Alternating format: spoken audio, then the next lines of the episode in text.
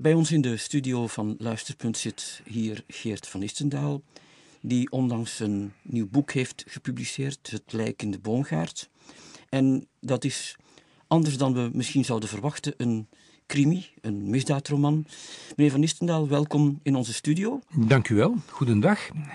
Wat is eigenlijk de aanleiding geweest om dit boek te schrijven? Geen enkele. Uh, ik wilde alleen eens weten uh, of ik uh, zoiets ook kan. ik ben dat soort boekjes aan het lezen sinds mijn veertiende. Ik ben nu zeventig. dus dat is meer dan een halve eeuw. van allerlei soorten, van Edgar Allan Poe tot Simenon. en ja, mm, ik heb er al eerder aan gedacht hoor, jaren geleden. Maar ja, dan, dan komen er andere dingen tussen en dan doe je dat niet. Uh, maar nu uh, dacht ik wel vooruit, kom aan, voor het te laat is. en dan heb ik dat maar gedaan. Of geprobeerd, ja. Hm. Bij het lezen dacht ik in één keer van...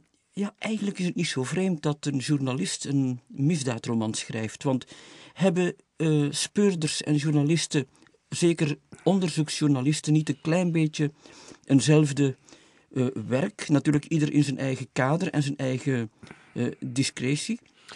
Um, ja, maar ik, ik, ben al 24 jaar geen journalist meer. Uh, dit gezegd zijnde, hebt u gelijk. Uh, er is iets wat de twee verbindt. Ehm, nieuwsgierigheid, graven, peuteren, Checken, proberen, ja, nakijken, uh, jezelf wantrouwen, mm niet te goed gelovig zijn. Uh, en ook iets um, waaraan niet iedereen denkt, uh, namelijk dat zowel politiemensen als journalisten overal komen. En op een heleboel plekken waar andere mensen niet of nooit komen. En zij komen ook in, in aanraking, in aanvaring soms, uh, met alle mogelijke categorieën van mensen. Uh, en niet altijd de prettigste mensen, uh, maar goed, dat, dat hebben we dan gemeen met iedereen. maar dat is, is, is iets, iets heel eigenaardigs. Dat geeft ook voor zo'n zo'n misdaadroman de mogelijkheid om zonder dat het echt de belangrijkste bedoeling is hoor, dat is een, een, een nevenwerking, laten we zeggen. Uh, dat, dat brengt er je toe om, om een, een, een beeld te geven van uh, het soort stad, het soort samenleving, het soort land uh, waarin de, de, de politieman of de politievrouw werkt. En dat merk je in, in heel veel misdaadromans. Nu, dit uh, is een misdaadroman die gaat over Brussel. Dat komt niet zo vaak voor. Uh, nee, uh, maar het komt voor. ik geef maar één naam, Tony Koppers. heeft al een, een aantal uitstekende boeken in dat genre geschreven. die, die zich dan afspelen in Brussel. Trouwens, zijn, zijn nieuwste gaat over Magritte.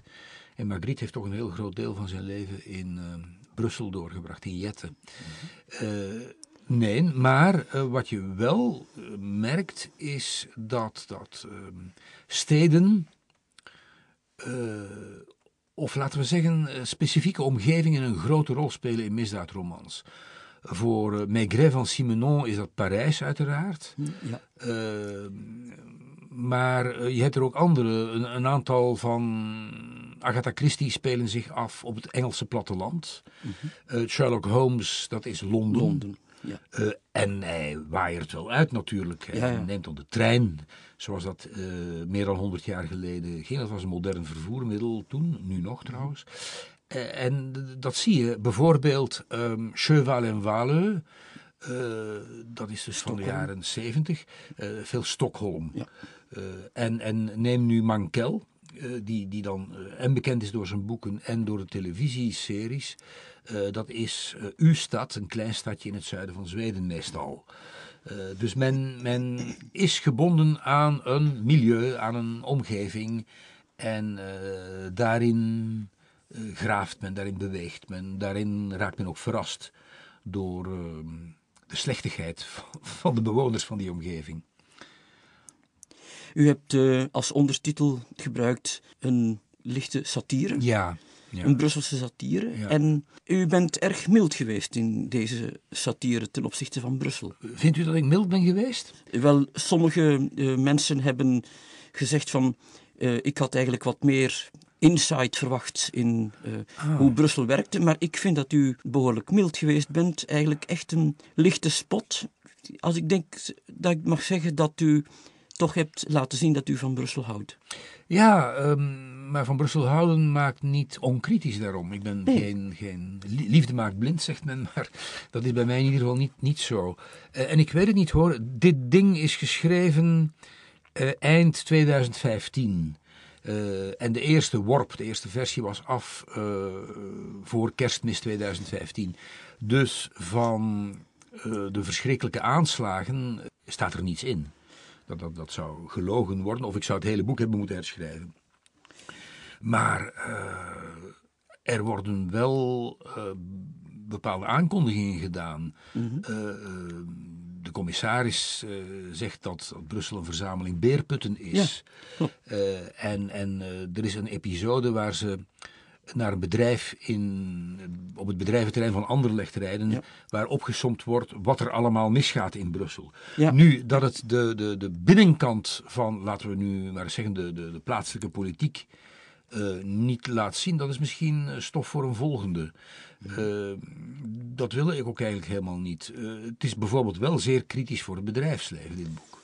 Dat wel, maar het is wel met uh, lichtheid geschreven. Met, ja, dat, dat was met, de bedoeling. Met, een beetje met ironie ook. Hè? Ja, dat was de bedoeling, ja. ja. ja uh, laatst zei uh, een recensent um, dat het een pastiche was. Zover zou ik niet willen gaan.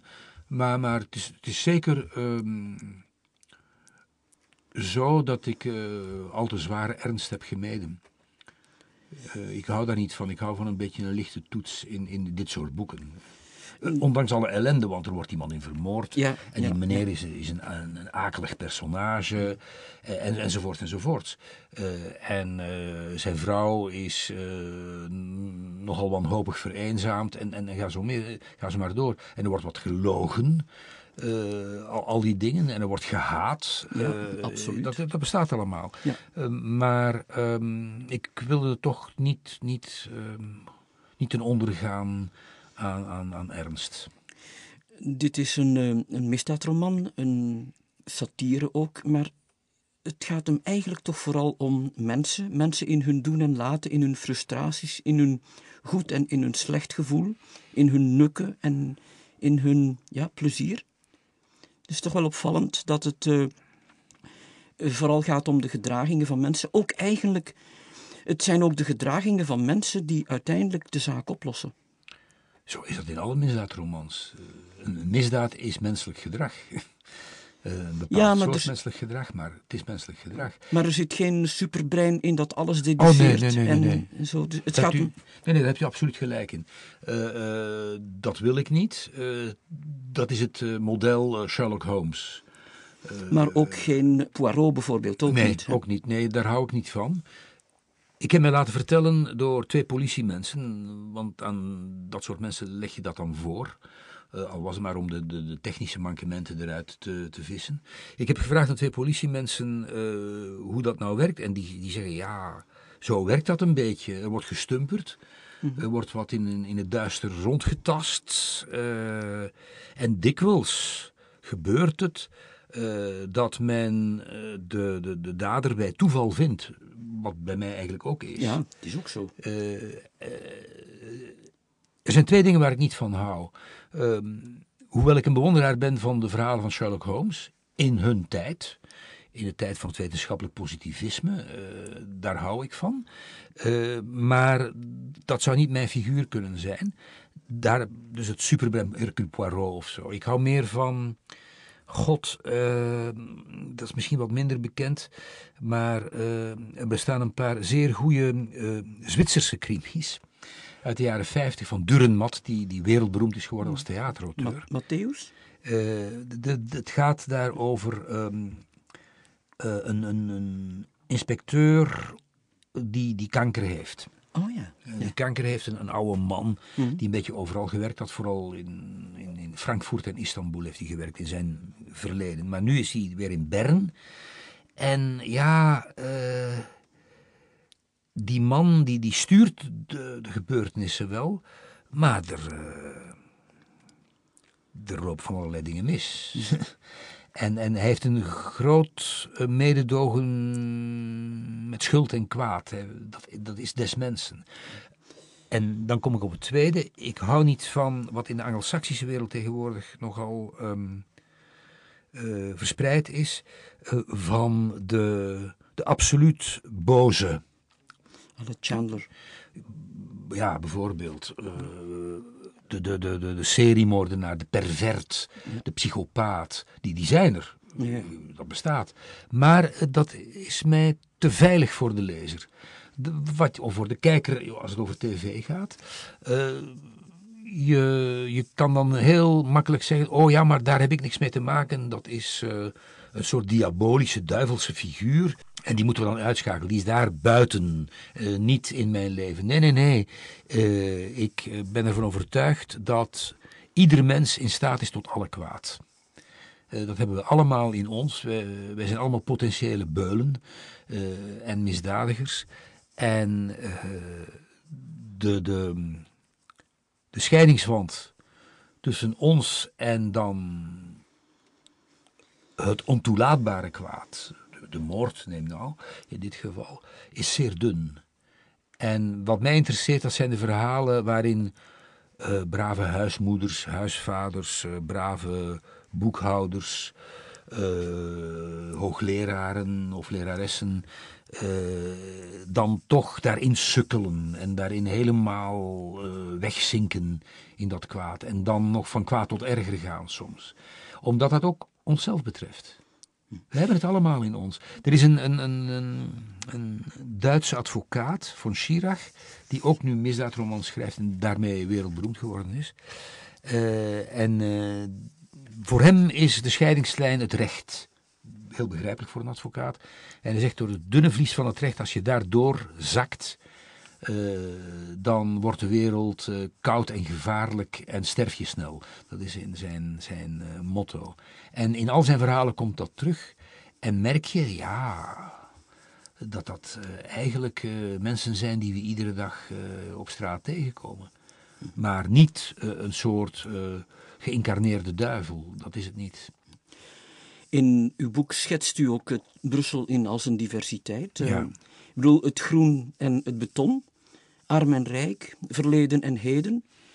Uh, ook integratie en isolatie. Hmm. Ook modern, ik denk aan de stagiair met haar smartphone en de computer. En dan uh, die commissaris met zijn ouderwets telefoontoestel en zo. Ja. Wel in een landschapsbureau, maar u schetst eigenlijk de hele situatie in haar diversiteit. Uh, ja, um, omdat Brussel nou eenmaal een, een zeer diverse stad is. Uh, veel meer dan veel andere steden. Uh, ik heb eens in een krant gelezen dat Brussel op één na de meest internationale stad ter wereld is, bijvoorbeeld. Na Dubai. waar dan vooral slaven uit Bangladesh zitten en, en steenrijke managers. Maar in Brussel is dat is een hele gamma daar. Van, van de doodarme uh, asielzoeker die pas aankomt uh, tot de, de, de zeer rijke bankier. Alles is er. Mm -hmm. Uit alle mogelijke landen. Uh, bovendien is Brussel wat bouwen betreft, architectonisch, wat huizen, gebouwen betreft, een van de meest diverse steden die ik ken. ik ben naar hier gelopen over de Bokstaallaan van Metro Pannenhuis. en ik heb naar die gevels gekeken. Die hebben ongeveer allemaal hetzelfde formaat. Dat wijkt weinig af van elkaar, een meter of zo. Maar ieder huis is anders. En dat was zo uh, meer dan 100 jaar geleden, want die huizen dateren van omstreeks 1900. Dat is nog steeds zo. Uh, en uh, de, de, de onderdelen van Brussel, ik zeg nu heel bewust niet de gemeenten, maar de onderdelen van Brussel lopen zeer sterk uit elkaar. Vandaar dat ik ehm, het huis van, van, de, van het slachtoffer uh, gesitueerd heb in een van de rijkste gemeenten van Brussel. -hmm. uh, en het politiecommissariaat in een van de meest verloederde delen van Brussel. in, in, in Anderlecht. Um, en men reist dan heen en weer tussen de twee. ziet u?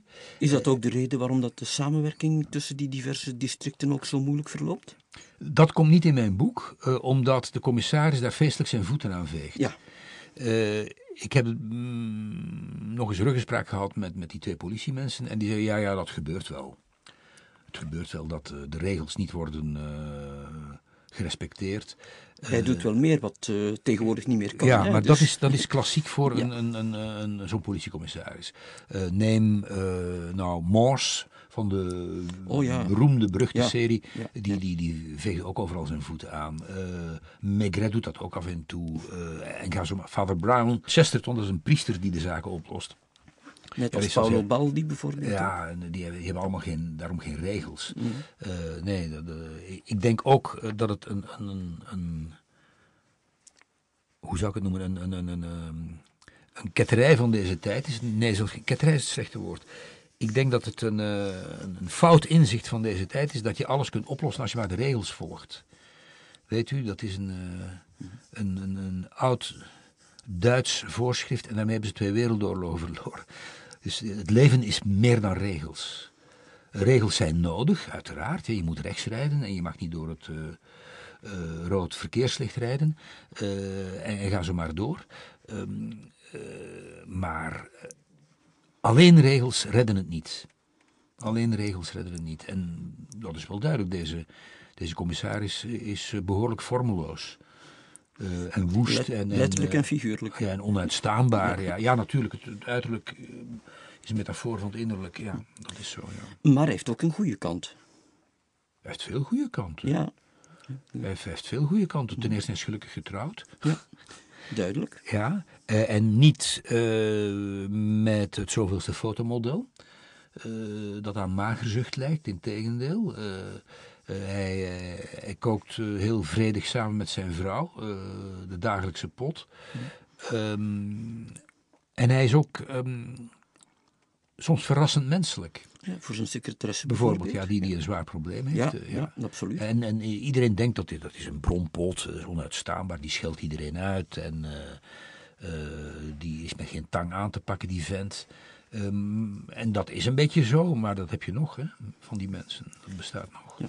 U schetst ook een vrij grote afstand tussen de ene persoon van min of meer vreemde afkomst en de andere. Als ik denk aan die Ekrem, Die Albanees, die Albanees, die, die. Albanese, ja, die Belgische Albanees, die, Ja, die scheldt op alles wat... Ja, dus een woesteling. Ja. Dus, maar aan de andere kant, als ik dan aan die inspecteur denk, dan is dat iemand die allerlei talen spreekt, die zichzelf heeft moeten bewijzen, die eh, Puccini en Verdi en zelfs orgel weet te appreciëren. Dan, Dat, is- dat is die Turkse Belg. die Turkse. Belg, ja. Eh, Die Demir. inspecteur Demir. Ja, ja. die heeft, eh, heeft een liefje gehad in, in, in Italië. Ja, Dat ja. hem tot de opera gebracht heeft. En hij heeft, draagt er nog altijd de jekkertjes van en hij rookt de sigaretten daarvan en zo. Eh, ja, maar ik heb zo'n, zo'n jaren geleden, in de jaren zeventig, zo'n Turk als vriend gehad. Mhm. Dat was een, ehm, de onmogelijke combinatie van een anarchistische Stalinist, stel je voor. Dat kan helemaal niet, maar dat was dat toch. Eh, die heeft mij de grote, de geweldige dichter eh, uit Turkije, Nazim Hikmet, leren kennen. Eh, en die, die hield van opera. Die, die, die, die was dol op opera en ik kende dat ook wel.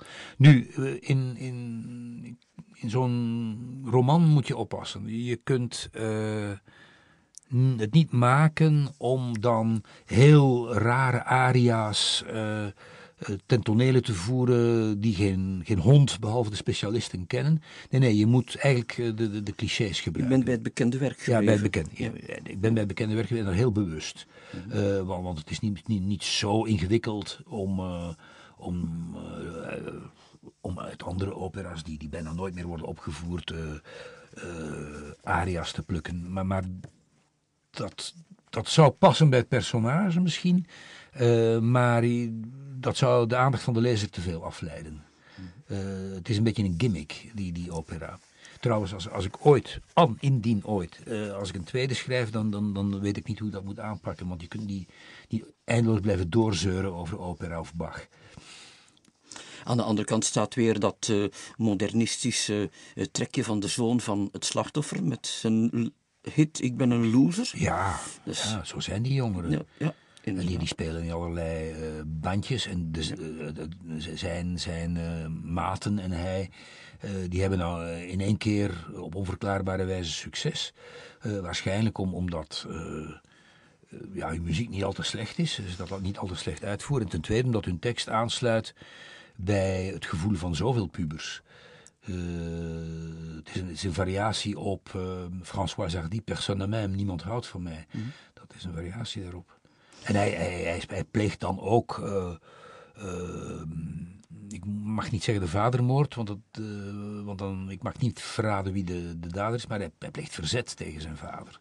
Ja, hij heeft een beetje lak aan hem, hè? Ja, hij heeft een beetje lak aan hem, maar in, intussen studeert hij nog maar zeer goed. Ja, maar het slachtoffer is wel iemand die door praktisch iedereen gehaat wordt. Dus iedereen zal hem om ja, hals kunnen brengen. Dat, dat is waar, ja. Uh, uh, maar uh, blijkbaar heeft hij aan, aan, aan iedere vinger drie vrouwen hangen.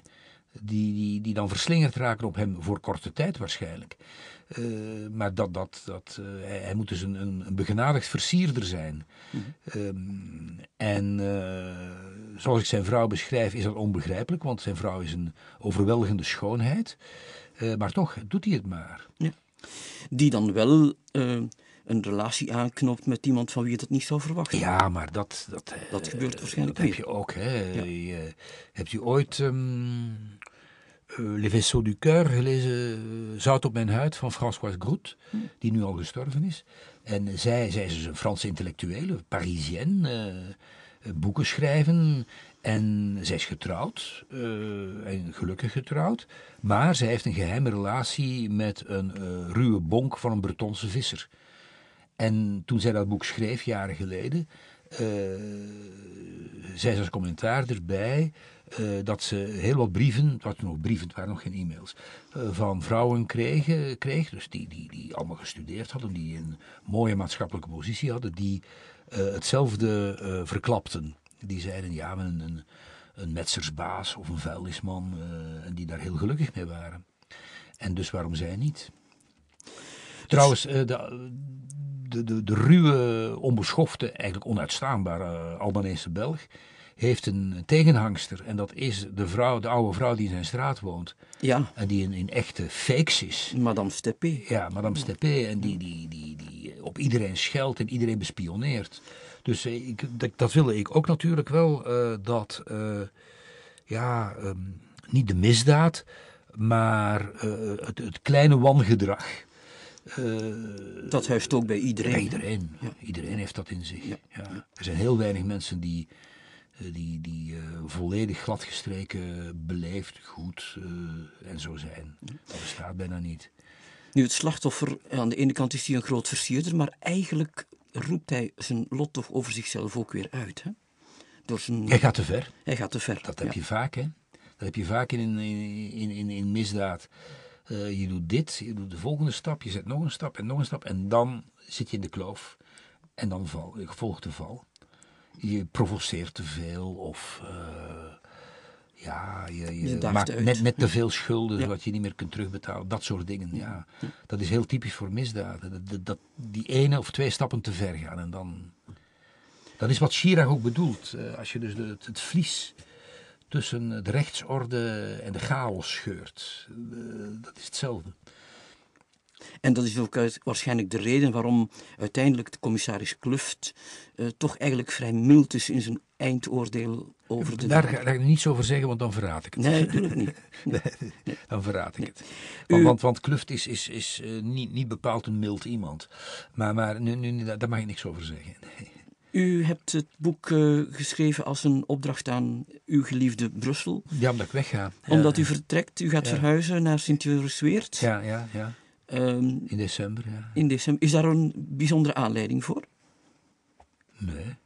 Nee, nee als u zou bedoelen, uh, loop ik uh, angstig weg voor uh, het, het, terrorisme in Brussel? Nee, helemaal niet. de grond waarop wij nu aan het bouwen zijn was gekocht in 2014, dus dat, dat kan niet. Mm -hmm. Bovendien, het is een, een hartewens en een, een levensdroom van mijn, mijn vrouw om in een dorp te wonen, waar, terwijl ze nog nooit in een dorp gewoond heeft. Zij is een van Oud-Molenbeek, van, van naast de paardenmarkt, de vroegere paardenmarkt. Nee, zij is echt een Molenbeek, Molenbeek. Uh, en en nu alweer 37 jaar Brussel na een passage in Leuven, waar, waar wij gestudeerd hebben natuurlijk. En dat is, ja, ik ben 70, zij is iets ouder zelfs. Ja, als we het nu niet doen, dan nooit. Als we het nu niet doen. Het is wel spannend hoor, een huisbouw op, op mijn gevorderde leeftijd. Mhm. Uw boek is eigenlijk ook echt weer een punt in de tijd, want nog onlangs is het boek eigenlijk bevestigd als je denkt aan wat met de tunnel Herman de Broe gebeurd is. Dus ook daar staat u weer in een bepaalde periode stil. Hè? 2015. ieder boek doet dat. Ieder boek doet dat. Maar bijvoorbeeld ehm, in een van de zinnen, uh, zonder het besef te hebben, kondig ik uh, het zinkgat in de Leuvense Steenweg eigenlijk aan. Ook dat, ja. ja niet, niet dat precies zink, maar, maar, maar uh, dit, soort, dit soort voorvallen. En, en, dat komt om, omdat je, ja, je, je, kent je stad een beetje. Uh, zeker omdat ik een, een, een, zeer levendige belangstelling heb voor, voor ongeveer alles wat in deze stad kan gebeuren en mislopen. en dan weet je wel dat zoiets ooit wel kan, wel mogelijk is. dat, dat, dat, daar is, dat is eigenlijk geen, grote, geen grote kunst aan. maar bijvoorbeeld, stel ooit, ik weet het niet hoor, of het ooit zal gebeuren, maar stel dat ik ooit een tweede, een tweede boek in, in dit genre schrijf, ja, dan uh, zal het niet anders gaan zon, zonder de achtergrond van, van de aanslag van 22 maart. Dat kan niet anders. En zonder de militairen in het straatbeeld en, en ga ze maar door. U hebt op nog een andere manier uw boek toch iets bekend willen meegeven, namelijk de tekening op het voorblad. Het is een tekening van uw dochter. Oh ja, ja, ja. Het is zelfs meer dan dat. Mijn dochter wil dat heel graag doen, want dat is haar beroep. En ze wordt daarvoor betaald, zo hoort dat. En toen vroeg ze wat inspiratie. En uh, alweer dat, dat eindeloze internet heeft mij alle mogelijke kaften van de zwarte beertjes van vroeger uh, laten zien. Ik kende die boekjes van, van toen ik jong was, maar zij kende die niet natuurlijk. Uh, en uh, die zijn van Bruna, van de grote tekenaar Bruna, die, die vooral bekend is van Nijntje, Nijntje en die, die ja. kinderdingen. Maar Bruna heeft veel meer gedaan dan dat. Die heeft die hele pocketreeks Zwarte Beertjes destijds vormgegeven. die heeft al die kaften getekend en die had voor ieder soort... Um, politieroman, voor ieder soort misdaadroman, had hij uh, een eigen tekening. Uh, die was anders voor, voor Simenon dan voor uh, Jan de Hartog, die er vijf geschreven heeft. Of dan voor een, een Nederlander die nu totaal vergeten is en ten onrechte, Havank. Ah ja, en, schaduw. wat zegt u? De schaduw. Ja, de schaduw. Nou, goed, goed, goed. Kijk eens aan. Uh, en voor The Saint, dat was dan nog een oh, andere. Ja. Ja. Uh, daar waren, je herkende dat onmiddellijk. Uh, en eh, in, in die stijl heeft zij getekend. alleen waren de, de boekjes van Bruna glimmend afgewerkt en dit is niet glimmend afgewerkt. Mm -hmm. Dit is een beetje dof afgewerkt. Maar het, het, het heeft ervan. Ik vind het zeer geslaagd.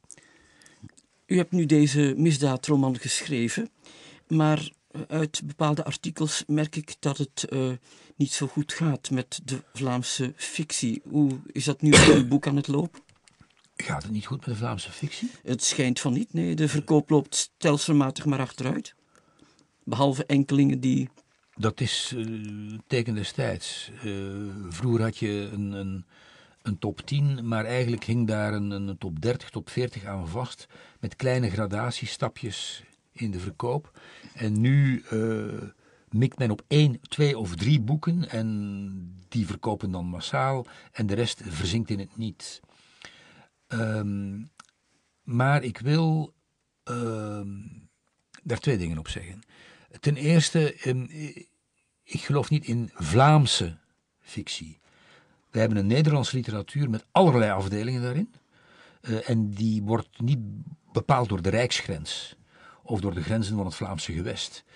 Uh, of door de grenzen van het Koninkrijk der Nederlanden. Uh, de meeste, meeste laat ik nu zeggen, Belgen die in het Nederlands schrijven worden uitgegeven in Nederland. Dat is al meer dan 100 jaar zo. Mm Was zelfs met Streuvels al zo. Ja, ja, en Timmermans en, en Elschot. En, ja. En, en, dat kwam omdat, omdat wij natuurlijk onder de knoet van het Frans zaten en onder de knoet van de Rooms-Katholieke Kerk. Uh, en Nederland had een uitge uitgeverijtraditie die teruggaat tot de 17e eeuw en tot de beste ter wereld behoort. Dus als je dat binnen je eigen taalgebied hebt, dan vloeit het automatisch daarheen, naar Amsterdam en Utrecht uh, met name. Dat is één. Ten tweede uh, wil ik het succes of het uh, welvaren van, van boeken, van fictie in dit geval, niet beperken tot de verkoop. Ik weet dat verkoop zeer belangrijk is, vertel het mij. Ik ben, wacht eens eventjes, sinds 1993 zelfstandig schrijver. Ik leef van mijn pen sindsdien. Dus dat heeft wel degelijk belang. Uh, maar het is niet het enige. Het is niet het enige. nog belangrijker vind ik uh, het soort boeken dat geschreven wordt. En dat vind ik toch niet zo slecht. ook in Nederland niet hoor. En het hoeft daarom geen wieringa te zijn. of, of hier, laten we nu maar een, een, een voorbeeld nemen, um, Brusselmans of Spit. er is een hele, hele reeks schrijfsters, schrijvers die dat uh, helemaal niet slecht doen. Die dat helemaal niet slecht doen en daarom geen prijzen winnen. Dat, dat is ook, uh, ja, wat is een prijs zeg? Uh, ben, je, ben je een, een prijsstier op de veemarkt van Anderlecht? Nee zeg. Nee, ik denk dat er veel goede boeken worden geschreven. En wat ik jammer vind, is dat die goede boeken niet tot het, bij het publiek zouden raken. Maar ik denk dat wel hoor, dat die bij het publiek raken. Ja. er is iets anders. Ik vind dat in onze literaire bladzijden van Neem nu de Standaard, uh, De Morgen, De Tijd en dan al helemaal in de Nederlandse kranten uh, een, een, een, een bijna schunnige aandacht gaat naar alles wat uit het Engelse taalgebied komt. Niet dat ze daar slecht schrijven, maar je zou de indruk kunnen krijgen dat uh, buiten het Engels louter analfabeten wonen en geen boeken verschijnen. En daar verwaarloost men vreselijk, maar echt op een, op een onverantwoorde manier uh, de productie uit andere taalgebieden, uh, vind ik. Ik wou nog één ding uit uw boek uh, even aanstippen. Mm -hmm. regelmatig kom ik ook in het boek De Poëet of de Dichter Geert van Istendaal tegen. In dit boek? ja, als ik denk aan een, een zin zoals het lijk lag als een heuvelrug op de vloer, dan denk ik van ja, kijk, dat, het is in het lugubere toch wel heel poëtisch geworden af en toe. Ah zo, ik had misschien beter gezegd als een, uh, als een vertragingsbult op de vloer of zo. uh, ja, god ja. Uh, ik moet misschien, je hebt er een punt hoor, je hebt echt een punt. ik moet misschien leren ehm, kaler te schrijven, minder fraai te schrijven. Ja, maar het klonk wel mooi. Ja, ja, ja. Er zijn nog die die op andere zinnen gewezen hebben die ze mooi ja. vonden. Geven als een afgrond bijvoorbeeld. ja, ja. Als je dus een van de grootmeesters van het genre eh, leest, Simenon, dan merk je uh, hoe feitelijk hij schrijft, hoe kaal hij schrijft. En dat is, dat is zijn grote kracht. Mm -hmm. Dat is zijn grote kracht. Uh, je weet wel dat Maigret op een stoel gaat zitten, maar hoe die stoel eruit ziet, dan moet je zelf erbij fantaseren. Ja, ja. En dat houdt de, de lezer bij de les. Ja. En ergens is het met Sherlock Holmes ook een beetje het geval. Hè? Minder dan bij Simenon, maar... Minder, minder. minder en bij, bij Father Brown helemaal niet. Nee. Uh, bij anderen dan... Bijvoorbeeld bij een schrijfster die ik zeer bewonder, uh, Julie C. uit Duitsland. Uh, dat, die schrijft krimis en andere boeken en andere romans. Mm. maar haar krimi die in het Nederlands vertaald is als Vrije Val... ja, daar daar zie je heel, dat is heel visueel. Daar zie je heel goed uh, hoe de mensen eruit zien, uh, hoe de meubelen eruit zien, uh, de straten, de huizen en, en ga zo maar door. Ik denk dat we hierbij dit gesprek kunnen afronden. Ik zou zeggen, heel hartelijk dank voor het interview. Nog veel succes bij het verhuizen. En aan uw lezer zou ik zeggen, haal die boomgaard in huis en geniet van het lijk dat daar gevonden wordt. Hartelijk dank, meneer Bos. Graag gedaan.